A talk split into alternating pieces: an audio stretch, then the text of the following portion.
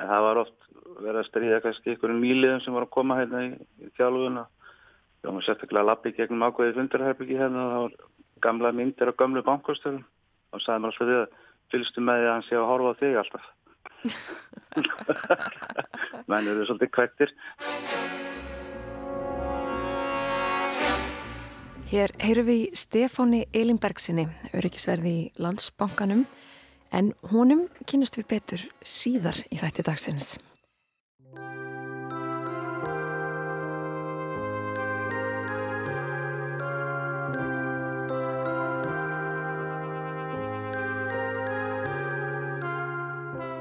Þú ert að lista á glans og í dag höldum við áfram það sem frá var horfið síðast við förum við hlustundur á tímaflag.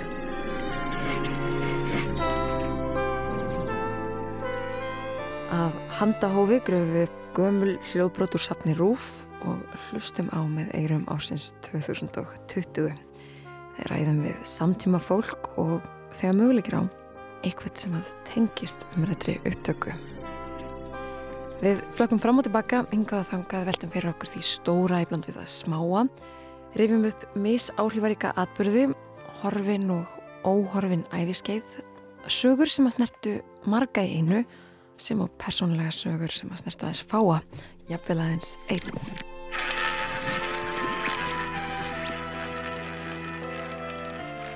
En nú heyrum við rúlettu hljóð og það þýðir að nú hefum við tímaflagg dagsins. Curiosity often leads to trouble.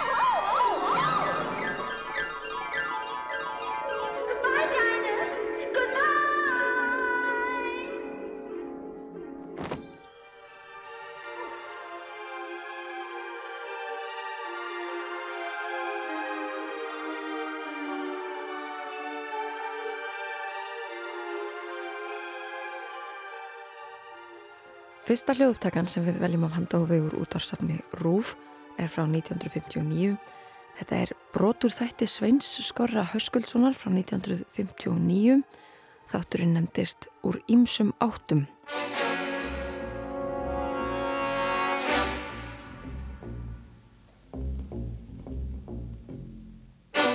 Á þessar upptöku er hugað að myrkrinu, nóttunni og þeim sem að starfa er aðrir að sofa.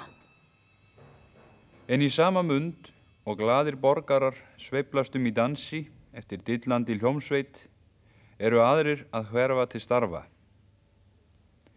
Þótt borg sér ekki stærri en Reykjavík er sá hópur manna er stundar vinnu sín á nóttum all stór. Einir þeirra er svo stjett er annast næturvörslu í hennum ímsu stórfyrirtækjum bæjarins.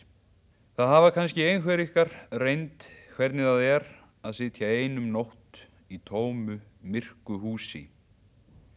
Að ykkur berast ótal, ókennileg hljóð, myrkrið þristist að ykkur og enginn veit hvað þar býr.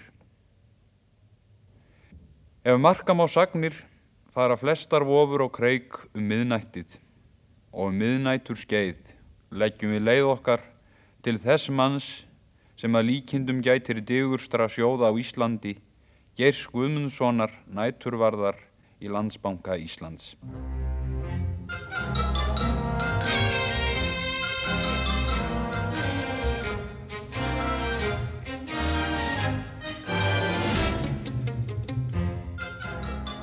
Hvernig er þið nú innanbrjóst þegar þú situr hér í þessu stóra húsi fulla af peningum? Mér hefur alltaf líðið vel innan slíka hluti. Uh, hvað myndir þú nú gera ef að hér kæmi allt í einu opnaðir bóvar og ætluð að ræna bankan? Já. Hefur þú hugleitt það? Nú náttúrulega myndi ég reyna að snúa þann fyrsta nýður og nú en svo, já, það fer nú í gang kerfi sem kallar á laurluna innan, innan skams á þess að nokkur sem við hafa komið.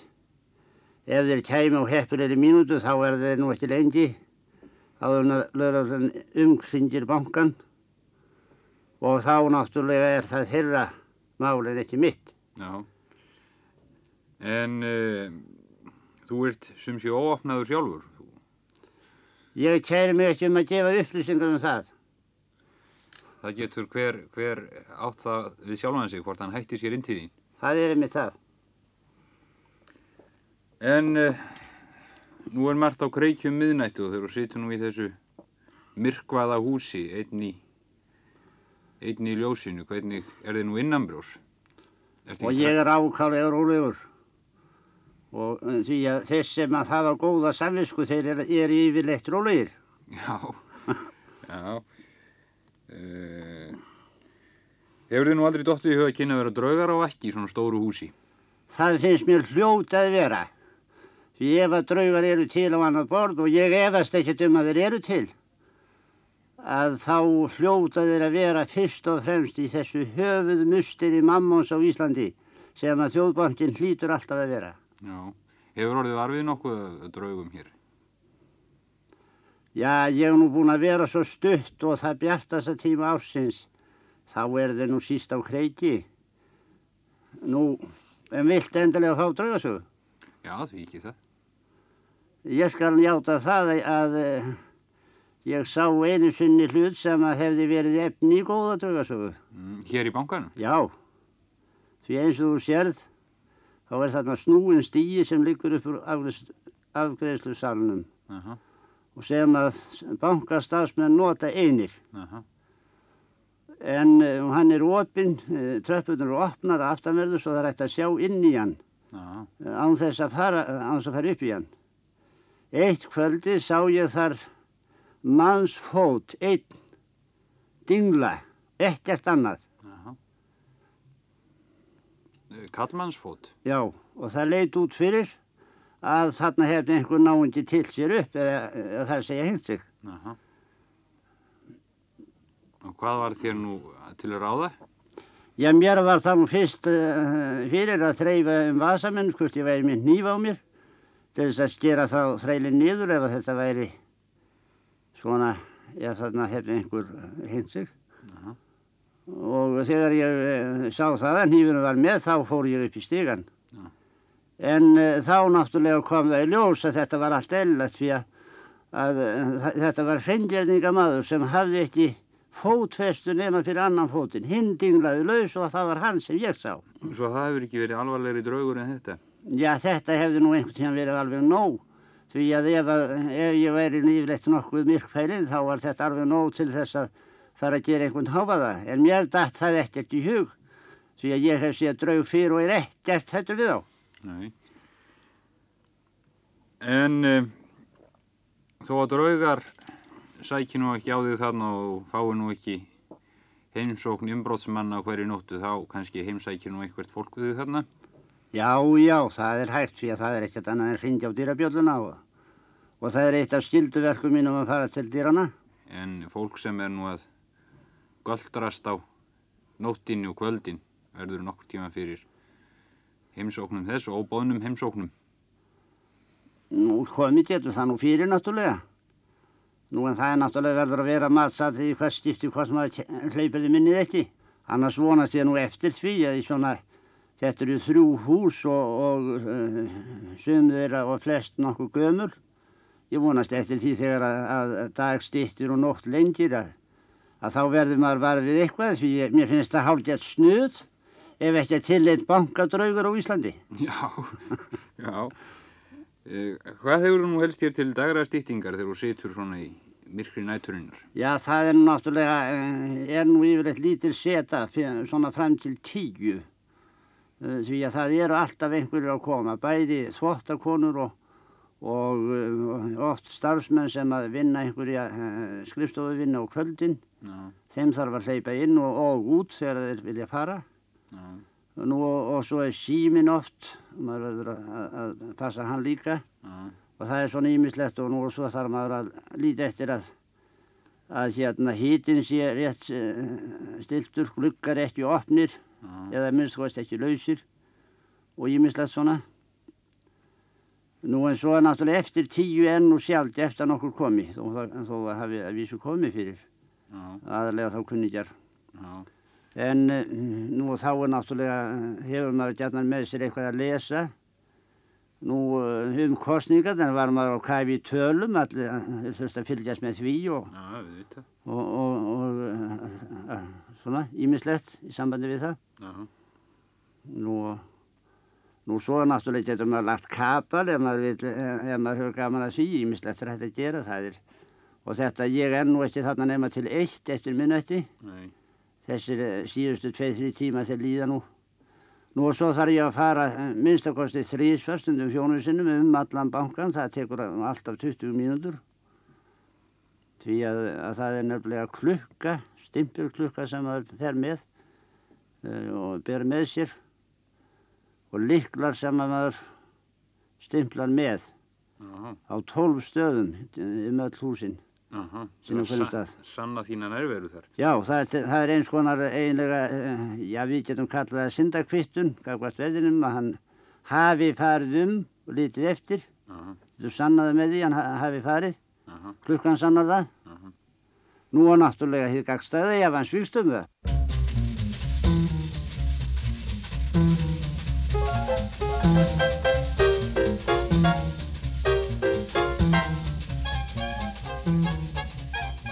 Ég hringdi upp í landsbanka og fekk að heyra í einum núverandi öryggisvörðum bankans, honum Stefáni.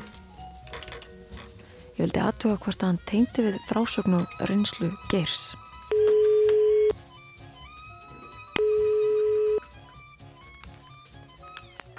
Halló, Halló? halló, Halló? já, er ekki mér? Hæ, hæ, ég heyri þið núna. Já, sæl, Heyrið þú í mér? já, já, Já, með eitthvað ramt stilt hérna hjá mér. Herðu, takk fyrir Já. þetta í fyrsta lagi. já, Ertu búin að hlusta upptökuna? já, ég var að hlusta. Og, og hvað fannst þér? Það varstu svolítið spauðileg svona. Já, En gaman að heyra þetta svona.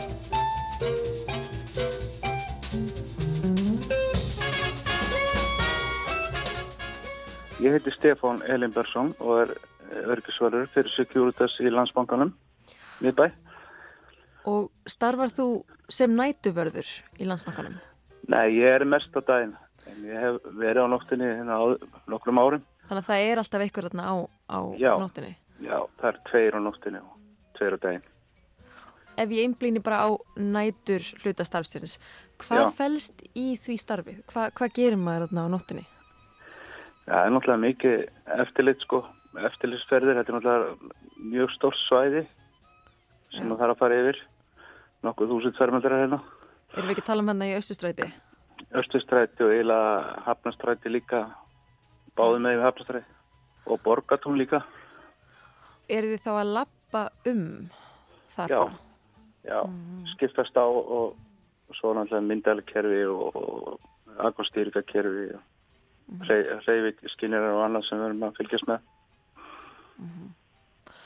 Sko, sérst, forveriðinn, hann Geir Guðmundsson sem að þú hlustaðir á, á upptökunni frá 1959 hann var spurður út í það hvað hann myndi nú gera ef að allt í einu kemur vopnaðir bóvar og ætlaði að ræna bankan og nú beini ég þessari spurningu til þín. Hvað myndið þú gera? Ég sko, samkvæmt vinnureglum þá hefur við ekki send- setja okkur inn eina hættu en það fer svona ákveði örgiskerfi í gang og sem er beintættu lörglu og, og er það bara verið sjálfurst í gang svona aðgerð sko. Þannig að þið eruð ekki vopnaðir sjálfur? Nei, Nei, en það er enga heimil til þess. Nei, og við erum að fyrstulega tryggja örygg okkar og, og annara í kringum okkur, þannig er okkar starf. Mm þannig að við myndum að reyna náttúrulega ef að eh, reyna að koma vekk fyrir skemmtir eða árásur eitthvað fólk eh, þanga til að lörglan kemi en, en við hefum fyrst og fremst að hugsa um okkar öryggi líka Og hefur þú eitthvað tíma lent samt í ráni eða, eða tilraun til ráns? Einhverju svona Nei. glæpsamlega? Nei, það er svona, veist, verið meiri orði en að borði, en með svona stæla ekkur, svona, ekki kannski með fúlið þeim. En nú er austustrætið bara í hjarta miðborgarinnar og, og um helgar er, er ekki að segja að það er einkennist af djammi þannig kringum austustrætið. Já, já. Er það ekki skrautlegt? Jó, það er vist, það er ansinn ég hef verið hérna nættu öllum helga, en, en hérna, það er ansinn spægilegt og skröðlegt. Er fólk að koma til ykkar eitthvað? Nei, nei, það er allt flest og svona, menn sjá náttúrulega henn út úr glukkana alltaf og sem eru í eftirlýsferðum og Þannig að þið, fylgist náttúrulega með og sé ekki vera að skemma neitt og já, bróta rúður og svona. Þannig að svona á döðri stund þá getið þið bara staðið út í glugga og fylgst með rugglinu sem á sér staðið úti eins og þið- sé að horfa bíó. Já, já, menn eru náttúrulega á röltinu og stoppa kannski aðeins við og heyri ykkur háaða og svona og sjá svona yfir fólki. Það var smá yfirsýn yfir þetta og það er eitthvað líka ef það er eitthvað verið að svona uh, hafa grunnuða eða kannski rúðubrót og annað Já, fylgjast með því.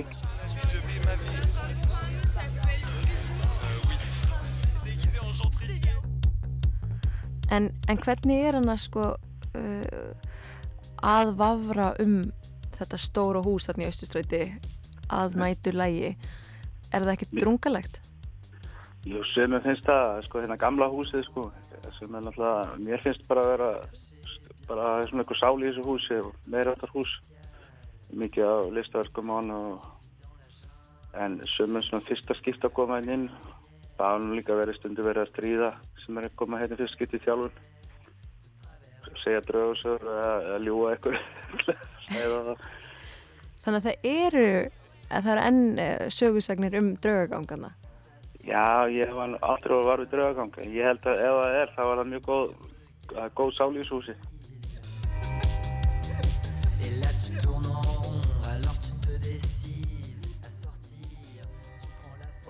maður er smá ágjur á húsinu sko, hvað verður um það í framtíðinni? Bankið fyrr nýtt húsnaði eða eitthvað? Vonandi verður þetta bara að fá að vera eitthvað, eitthvað gott starfsemi hérna Þannig að þér þykir auðvitað mjög vænt um þetta hús. já, ég er búin að vera hérna í 14 ár. Og mér finnst þetta alveg frábært. Myndir þú segja að þú þekkir hvern króka og kíma? nánast. Inn í gamla húsinu allavega. Hvaða staður er uppáhaldstaðurinn í gamla húsinu? Ég veit ekki, það er svona það er margir opaslega falli, falli bygging bæði á utan innan. Og margir, mörg glæsili hérna gammaldags svona fundarherbyggi og svona sem ég fengi að halda sér, þetta er friðan alltaf Já, mér þykir rosalega vænt um þetta hús. Fyrir þá sem að svona þekkja ekki innviði banka og þá þessar gömlu byggingar þarna í Östusrætinu eru gullkvelvingar í þessu húsi. Nei, ekki gull Er ekki þannig? Nei Það er eins og í bíómyndum. Það er skreitingar hérna, sérstaklega hérna nokkrum herbyggi, gamlar sem að fengi að halda sér. Þannig að bara málaði svona Já, í loftið. já, ok. En, en hérna varðandi þennan draugagang, nú sagði Geir einhverja draugasögu. Hefur þú eitthvað tíma lendi í einhverju svipuðu eða kannastu við þetta sem hann er að tala um? Nei, en kannski þegar ímyndinu aflið að flög hjá menn sérstaklega verið einir á myrski eins og á þeim tíma sko. En eh, eins og ég segja, mjög góð sál hérna. En það var oft verið að stríða kannski einhverjum nýliðum sem var að koma hérna í, í þjálfuna þá var sérstaklega lappi gegnum ákveði fundarherbyggi hérna. Það var gamla myndir á gömlu bankastöðum og sagði mér alltaf því að fylgstu með því að hann sé að horfa á þig alltaf. Menn eru svolítið kvættir Is it just me? Or are they looking at me? Or are they just making me think they're looking at me? Yeah, you've been watching too many old dark house pictures. Scooby Dooby Doo, where are you? We got some work to do now. Scooby Dooby Ég sé fyrir mér að augun á þeim hreyfist, Já. svona eins og Scooby-Doo þáttunum. horfa alltaf á þig sko Já, En þetta er, eins og ég segi, þetta er alveg opaslega fallet hús og vel byggt á sín tíma. já. Það lítur að vera gaman að fá að, að njóta húsins einn að Já, næturlega. já, og bara alltaf. Já, já. Já, já. Þetta er svona, eh, maður sér ekki svona byggingar í dag.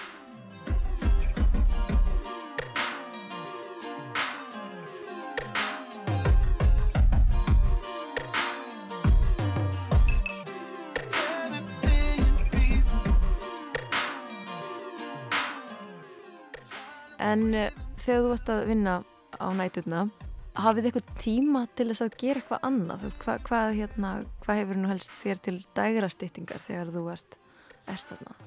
Ég, sko, menn er nú bara, við erum í myndalega kerfi hérna og fylgjast með og, og, og eru og það er hansi lítill tími held ég.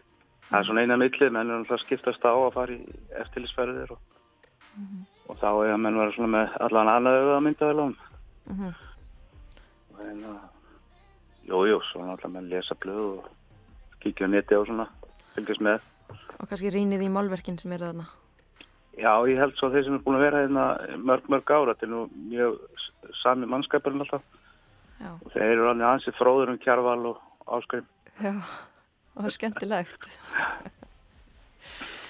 En hérna, uh, ég veit að nú vinnur ekki aðalega að nætulagi, en ég hef sem ekki áhuga á því að, að, að kynast í sko, hvað áhrif hefur þetta á restina af deginum og, og bara á lífmanns ef maður er að vinna á nætuvöktum?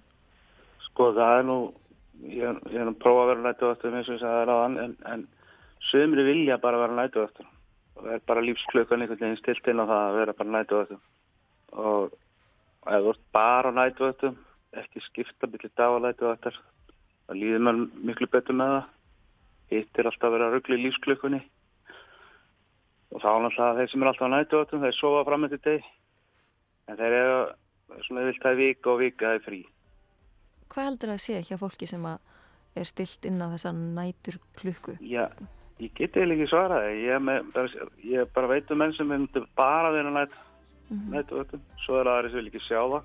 En Já, það er eitthvað við það. Það er kannski meiri ró. Það er engin traffík á fólki. Mhm. Við hinn erum kannski meira félagslega sinnaðar. Við viljum vera innan um 400 manns á daginn.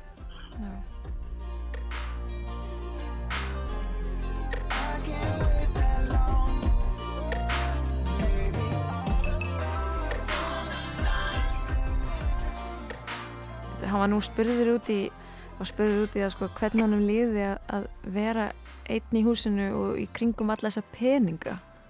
Er það eitthvað sem þú er huglegt? Nei, ég held nú svona ofsögum sagt alla þessa peninga til allt orðið rafrænt og Já. Þannig þú upplifir ekki að, að það séu bara á bakvið, Nei, það er ekki staplatinn hérna peninga. nei, og þú upplifir ekki eins og þú sért svona varðu hundurinn að verja hefur mikla dýrmæti. Nei, ekki dag. Þetta er náttúrulega breytið tíma síðan 1959. Það voru bara peningar. Já. Þetta er bara, bara árænt. Ummitt, skilji. En ég segi bara þakka þér kærlega fyrir þetta, fyrir að gefa okkur insýn inn í starf stömmulegðis. og hafa það bara gott. Já, stömmulegðis. Takk fyrir þetta.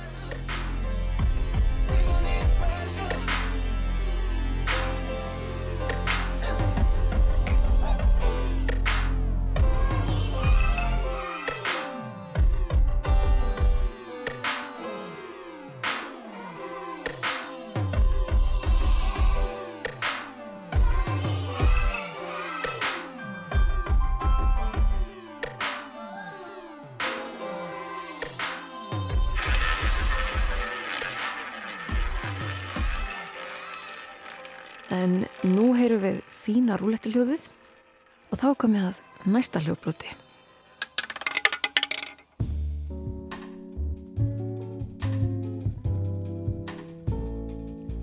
I'm to dedicate this song to the most wonderful person that I know. She filled my life with joy and happiness. Já, þú hefur séð margt um þína daga. Og já, þetta er vorðið nokkuð laungæfi. Ég er nú að verða nýræður. Er. Þetta er viðtal Gísla Kristjánssonar við annan Gísla, Gísla Jónsson fyrrum bónda á Hofi í Svarfaðadal. Gísla var þarna nýræður að aldri sem að því þegar hann fættist árið 1869. Í þessu viðtali segir hann frá uppvakstar áranum að siðra kvarfi í Skíðadal og flutningunum að Hofi upp úr aldamótunum 1900. En þar bjó hann síðan alla tíð.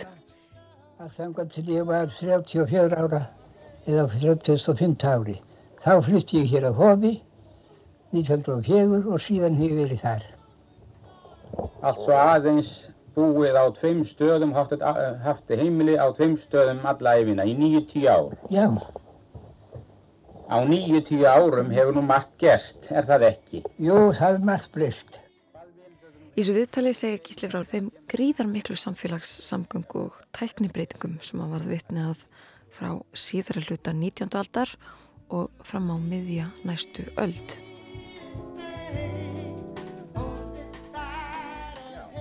Ef við víkjum nú aftur að því sem hér daglega hefur borið fyrir augun í sveitinni þá og hliðstætt í dag, Já. þá vorum við vorum í húsakostin. Jú, jú. Hvað sýnist hérna nú annars því finnst þau ekki svo mikið betri, að fólkinu líð ekki mista kosti betur? Ég held að fólkinu líði ekki mikið betur heldur en það leið á betri bæjum.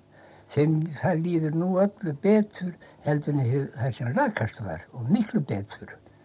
Því að munurinn er nú eiginlega engin en það var mikil. En þó var það nú eitt í sambandi við nýju húsin, þó var það ekki byggingan eða byggingateknina. Það eru þau þægindi sem að fólkið hefur í dag og ekki voru til þá. Já, já, það er síðan að rafmagni kom þá var nú engin samanbörður á því. Nei, Ég man vel eftir því að lýsing í gömlu baðstofunum var á fyrstu árun sem ég man eftir ákvæmlega og fullkomin. Það voru ekkert annað en lýsislampar. nú í baðstofunum, já. Já, í baðstofunum. Já, hvað þá í göngum búru og eldhúsi Já, ekkert annað heldur en lýsiskolur. og fjós í fjósi hefur, var það þá borið á milli. Já, í svo hvernig ljósbera. Það var um, trekassi, alveg lokaður, en um, mátti þó smegja pönninni inn í annan endan. Og ljósi helst það lifandi þó að kostværi. Ef að bara passaði að snúa uh, opinu undan stofnirum. Ljós voru ekki notið í fjárhúsum í þá daga. Nei, aldrei. Alls ekki.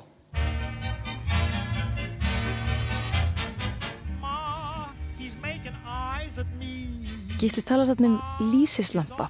Segir að baðstofunar hafi einungis verið lístar upp með lýsislömpum.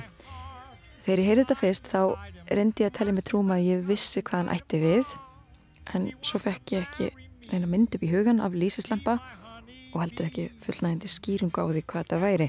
Þannig að ég googlaði fyrir bærið og sá strax að ég vissi ekkert hvað þetta var.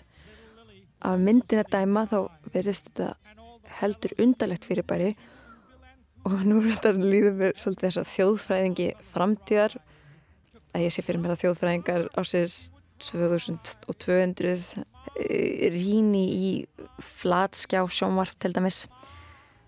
Og uh, sjáu til dæmis bara flatskjá sjónvarp sem er eitthvað mjög undarlegt en það verður sjónvarp á þeim tíma vendarlega ekki í formi hlutar. Það verður varpað úr augunum eða úr eitthvað litlu tæki sem að býr til mynd sem flýtur í kringum mann ég er ímyndað mér eitthvað eins og í Minority Report myndinni. En allavega eh, þessir lýsislampar þetta lítur mjög skringilega út. Þetta er koparskál með ílungu svegðu stykki upp úr henni. Og ef maður horfir að lampan á hlið virðist hann í læginu eins og jóð bókstafurinn jóð. En ef maður horfir, á hann ofanfrá þá virðist hann vera eins og bókstafurinn kú og í þessari koparskál var séðan held lýsi og síðan skil ég ekki meir. Ég er búin að lesa mig til um þetta og ég fatt ekki hvernig þetta virkar. Ég skil ekki alveg hvernig það varð ljós úr lýsinu. Þannig að já hvað ringi við þjóðminnasafn og leita skýringa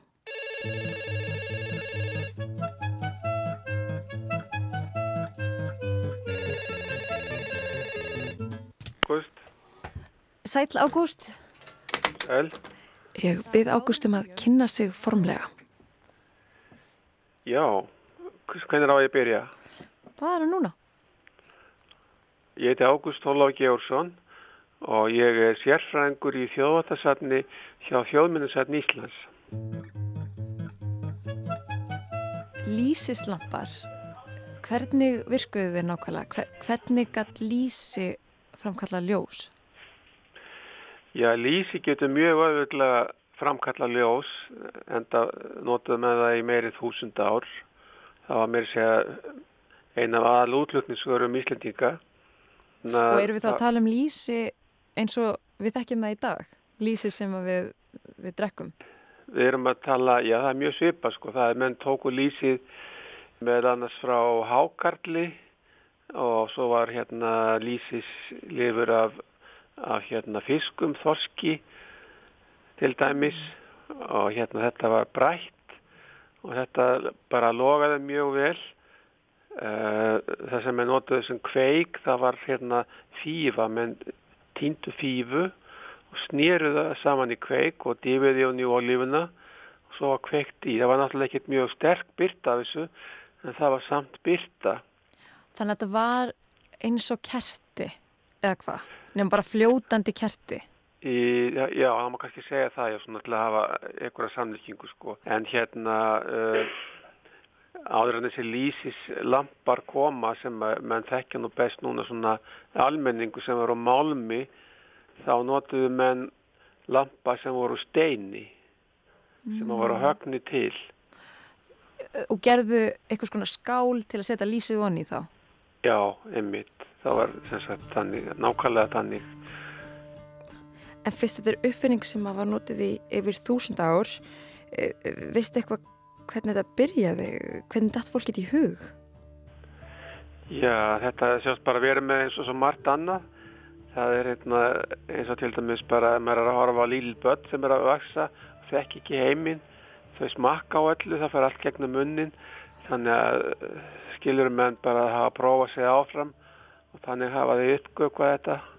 Það var hægt að nota lísi í, sem sagt, til að lýsa upp fjósið og baðstofuna og svo framvegis. Og var þetta góð lýsing? Þetta var svo besta sem er náttúrulega að lág. Hún er hérna náttúrulega ekki eins góð og þegar að fara að, fara að nota steinolíu á síðar hluta 19. aldar en mm -hmm. það bara menn hafði ekki annað. Mm -hmm. En lykta þetta? Nú lykta lýsi? Það verður öruglega verið lykt af þessu. Það fór eftir því hvað lýsi var vel unni. Sumt lýsi var illa unni og þá var að gerna kallaði grútur og þá kom lykt af því. En þá einn grunnspurning. Hvað er lýsi nákvæmlega?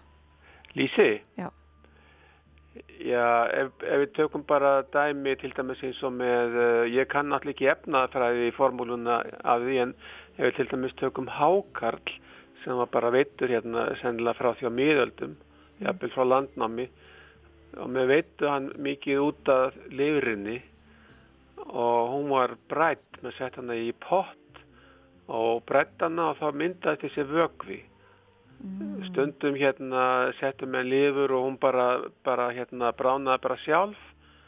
Hún bara leistist upp og varða að lýsi skiluru og það er ennþátt að kaupa hákallalýsi mm út bara út í búð sko.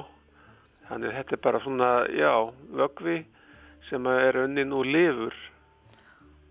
Já, en um, þið eru með lýsislampa upp í þjóðminnarsafni, ekki satt? Jú, það er fundist mjög mikið lýsislampum hérna það er komið alveg upp hellingur úr fordlega eftirrættum Er það? Já, já Eru þessir eldstu mjög ólíkir þeim sem voru notaður á 19. öld? Í raun og veru ekki. Þetta er eitt, eitt af því sem hefur haldið svona óbreytt bara mjög lengi. En sem sagt, hérna uh, þegar steinolíðan kemur til söguna þegar mann, mann, mann, mann fatta hana eða, eða hún sé til og hún dreifist um heiminn, mm -hmm.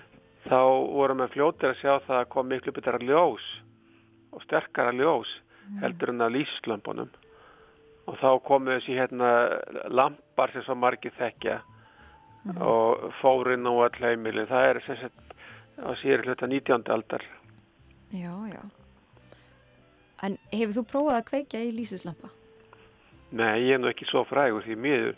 Ég hefði gert að vilja það Já, ég snúið saman fífu sko og hérna setja hana út í grútin en þeir voru notað svona ótrúlega lengi og og hérna menn áttu nú ekki tóla mikið sko á milli handana þannig að ef við vorum að lýsi lampana, hérna oljulampan kannski inn í hú, húsinu sem mann bjó í þá gáttu við nota grútalampana áfram sko hérna til að spara út í, í fjósi mm. Eitthvað svolítið í útihúsunum Gáttu þú reynst erfitt að kveikja á þessum lampum? Eða að búa til svona lampa? Já, það er ekkert meira mál kannski heldur en bara með annað. Það, sem sagt að hérna í, í gamla daga þá bjara urðumenn að hjálpa sér sjálfur og hérna það voru játsmir og trésmir á hverju meinsta bóndabæðu landinu áður en að hérna komið þéttbíli þannig að það var ekki innan laguð sérhæfing þannig að hérna en svo hafa menn líka geta hérna keft þetta af ykkur sem hafa tekið þetta að sér það er náttúrulega til í dæminu líka eitthvað getur að vera innflutt og þá helst frá Noregi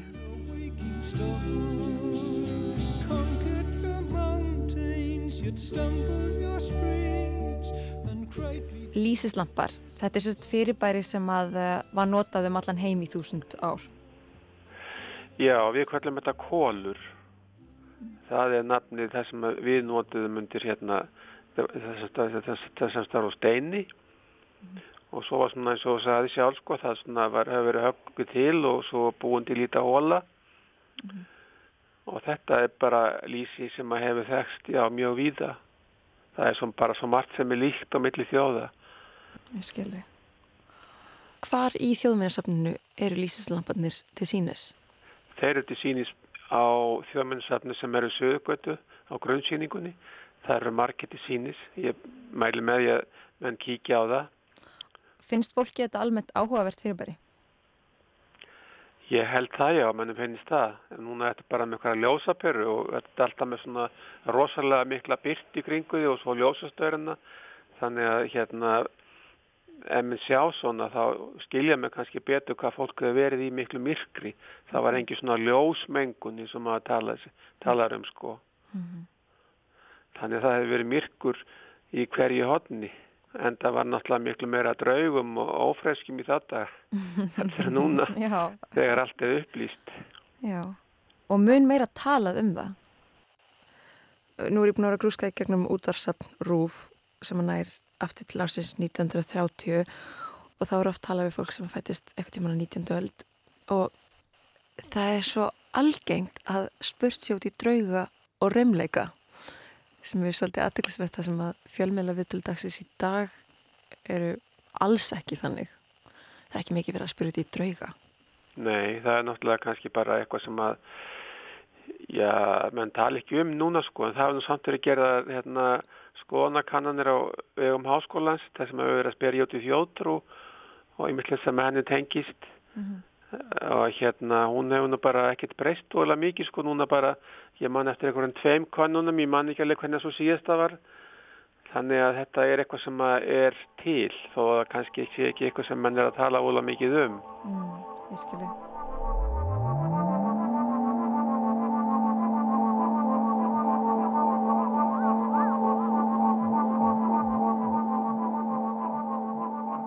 Nú vissi ég ekki hvað lísislampar voru. Hafði ekki heyrt þetta orð og kannast ekkert við myndin af þessu. Er þetta fyrirbæri sem fólk þekkir almennt? Ég held að fólk þekkir þetta kannski, já, ég myndi nú halda það allavega svona eldri kynnslóðin og þá eru menn kannski fyrst og fremst að hugsa um þessa lampa sem voru kopar sko, þeir voru tvöfaldir, það var hérna, hann var alveg sérstaklega smíðað fyrir hérna lísi og það var næri helmingur var fyrir það sem að laga út úr Þess að flesti þekki það en þessa steinlampa sem að lifðu svona lengi ég held að það sé nú svona minni hópur og það, það var alveg þeir sem að hérna hafa svona áhuga á þjóðlegum fráleika eða fara það svolítið á þjóðminnisafni. Fyrst er ekki aðdeklisvegt hvernig vittniska hverfu með tímanum? Eða pælir eitthvað í því? Jú, jú, maður gerir það mjög mikið. Það er bara, það er bara þannig sko að hérna maður veit aldrei hvað kemur til með að lifa áfram sko og líka hvernig maður skilja hlutina og hvaða merkingum maður leggja hlutina. Þetta er allt breytingum háð, það er nú máli sko. Þannig að maður getur aldrei vita í raun og veru. Hvað er það skemmtilegast að við að starfa við það sem þú starfar?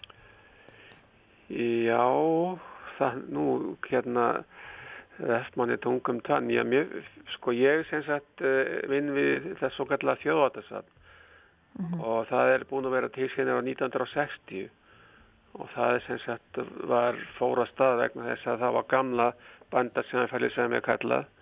Þá var það bara líðin til lók og það var svona alls konar verkmenning sem bara var að hverfa og, og mann fannst bara það er að skrásetja þetta maður myndi ekki bara týna niður allir þekkingunni þannig að hérna það er svolítið spennandi sko að þá að vera að vinna með svona upplýsingar um gamla tíman og sapna þeim saman og bjarga þeim og svo framvís en svo erum við líka bara í nútímanum.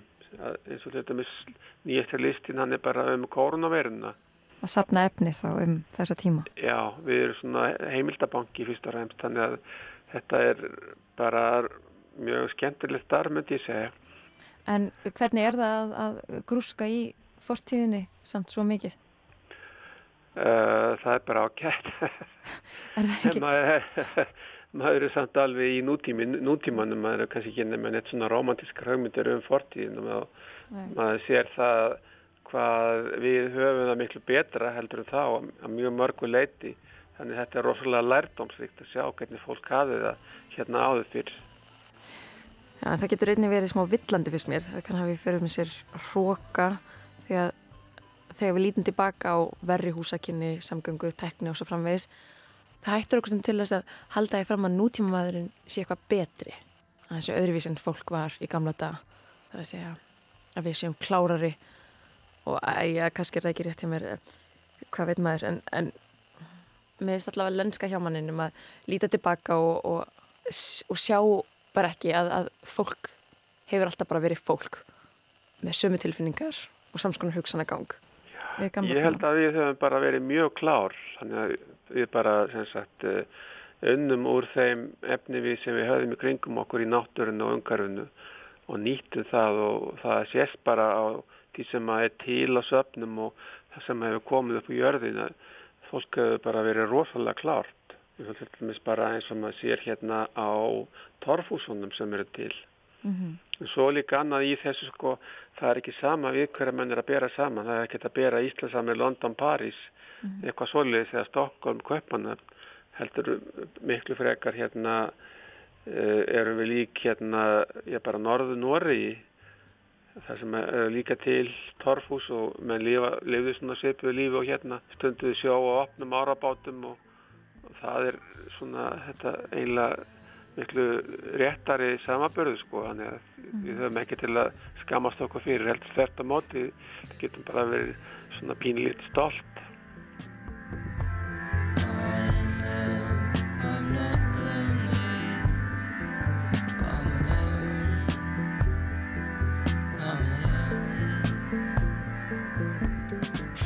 Það sem þú starfar nú í þjóðmjörnusafninu og, og veist mikið um forna tíma hér á landi ef þú getur ferðast aftur í tíman bara í einn dag, ferðast ég... aftur í tíman og fengi að lifa einn dag eitthvað starf, hvað tíma myndir þú velja og af hverju?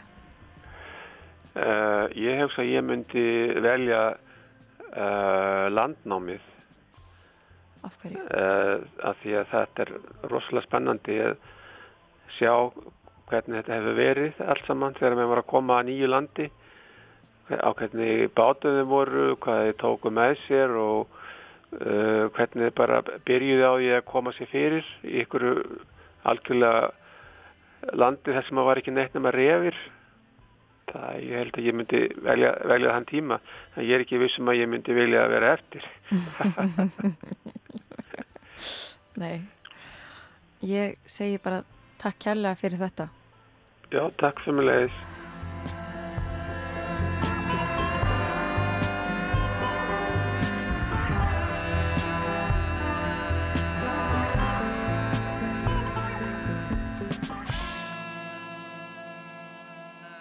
Ágúst Ólafur Georgsson, þjóðháttafræðingur, sað okkur þarna frá lísislempum og ymsu fleira.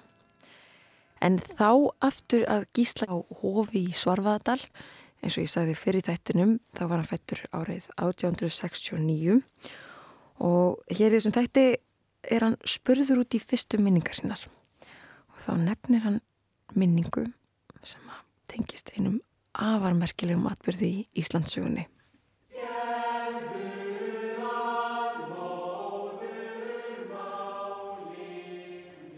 Þú manns hvað land tilbaka í tíman Það er einn þá fyrsti atbyrður sem er mótast einna fastast í meðtun mína. Það var þjóðháttíðin 74. Það voru verið fimm ára. Það var Eða á á fimm ekki fyrir bara fimm ára. Gíslir þá að tala um þjóðhátíðina 1874, það er að segja fyrstu þjóðhátíðina sem aldrei væri tilöfn af þúsund ára ammali Íslands byggðar og heimsókn Kristjáns konungs nýjunda sem að færi þá Íslandingum stjórnaskrá um hinn sérstökum málefni. Og það er svo merkilegt með það að það er hvert einasta atrið í hátíðahaldinu mótað svo fast í meðvitund mína að ég mann gang hátíðarinnar alveg eins og ég verið stattu í gær. Getur þau tilgreind einhvern atbjörð sérstaklega frá þeim Já. hátíðahöld? Það er það, þá sá ég fyrst Þorstein heitinn, hálbróður móður minnar sem var fallaður frá baddómi, að mér var það svo minnistætt að það takk hann tveir menn og lyft honum á milli sín upp í ræðustólinn. Hann var alltaf ekki maður til að stíga sjálfur í stólinn. Það gaf hann ekki með okkur ljóndi nú. En hann var skildi flytja það ræðu. Hann flytti það ræðu og uh, endurminningin hétt hún. Og það var bara norst fimm kvæði sem öll voru flytt hann á hátíðinni. En ekkert þeirra hefur geta fundið í föggum eftir hann. Ekkert einasta. Þá Við- sá ég fyrst líka sér að Sofanis heitin í Viðvík. Jóhann heitin höfstjóri á Yttarkvarfi, hann var formaður hátíðanemndar. En ég er sannfærður um að enda sagði hann mér það sjálfur að Sofanis hefði sett allan svip á hátíðina. Hann var þá stúdent heima í brekku og ég man svo glögt eftir honum sérstaklega vegna þess að hann var öðruvísi klæddur en allir aðrir. Hann var í nokkur skolar fótbúningi. Voru um, nokkrið annars í fornbúningi aðrir þá eða Nei. viðhafnarbúningi sérstökum? Nei, ekki. Það voru allir náttúrulega í sínum sparifötum á hátíðinni. Já,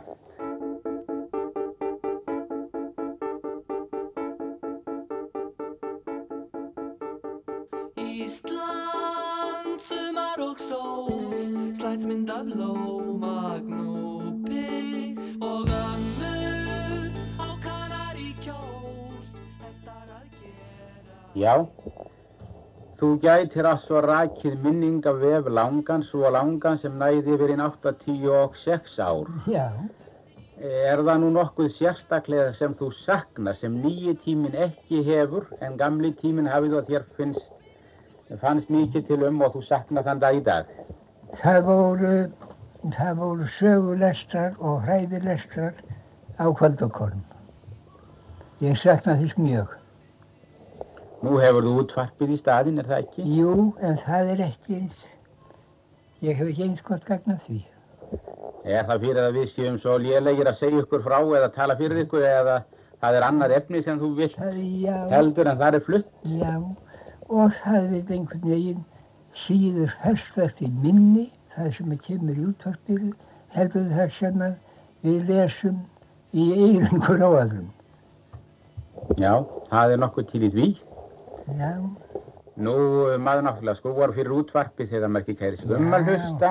já, já, já, það er, það er auðvitað. Eh, Dægra stytting þín í dag. Ég vil alltaf hlusta útvarpið og gera það stöðugt. Og er, það er mörg erindi prífileg, bæði fræðandi og skemmtileg. Getur þú lesið enn með góðu móti? Ég, get lesið ef það er ekki mjög smátt letur. Þá get ég vel lesið. Og ég heyri sæmilega. Og bókakostun ekki vantar hann í dag. Nei, það er bæði á ég nú dálítið af bókum sjálfur og svo er auðvitað að fá lánar bækur úr lestrafélagi sveitarinnar sem að hefur talsvölda bókakost. Það var stopnað fyrsta november 1880. Og það er alltaf tíu árum, rúmlega tíu árum yngra en þú. Já, Já. Jæja, ég þakka þið nú fyrir þetta. Það hefur nú verið margt annað sem að hægt hefur verið að spurjum og fræðast af hjá þér. það er ímislegt sem ég man af gömlum viðburðum en það tekur nokkur tíma að segja frá þeim Því að það þarf þá að skýra líka tilbögin til þess.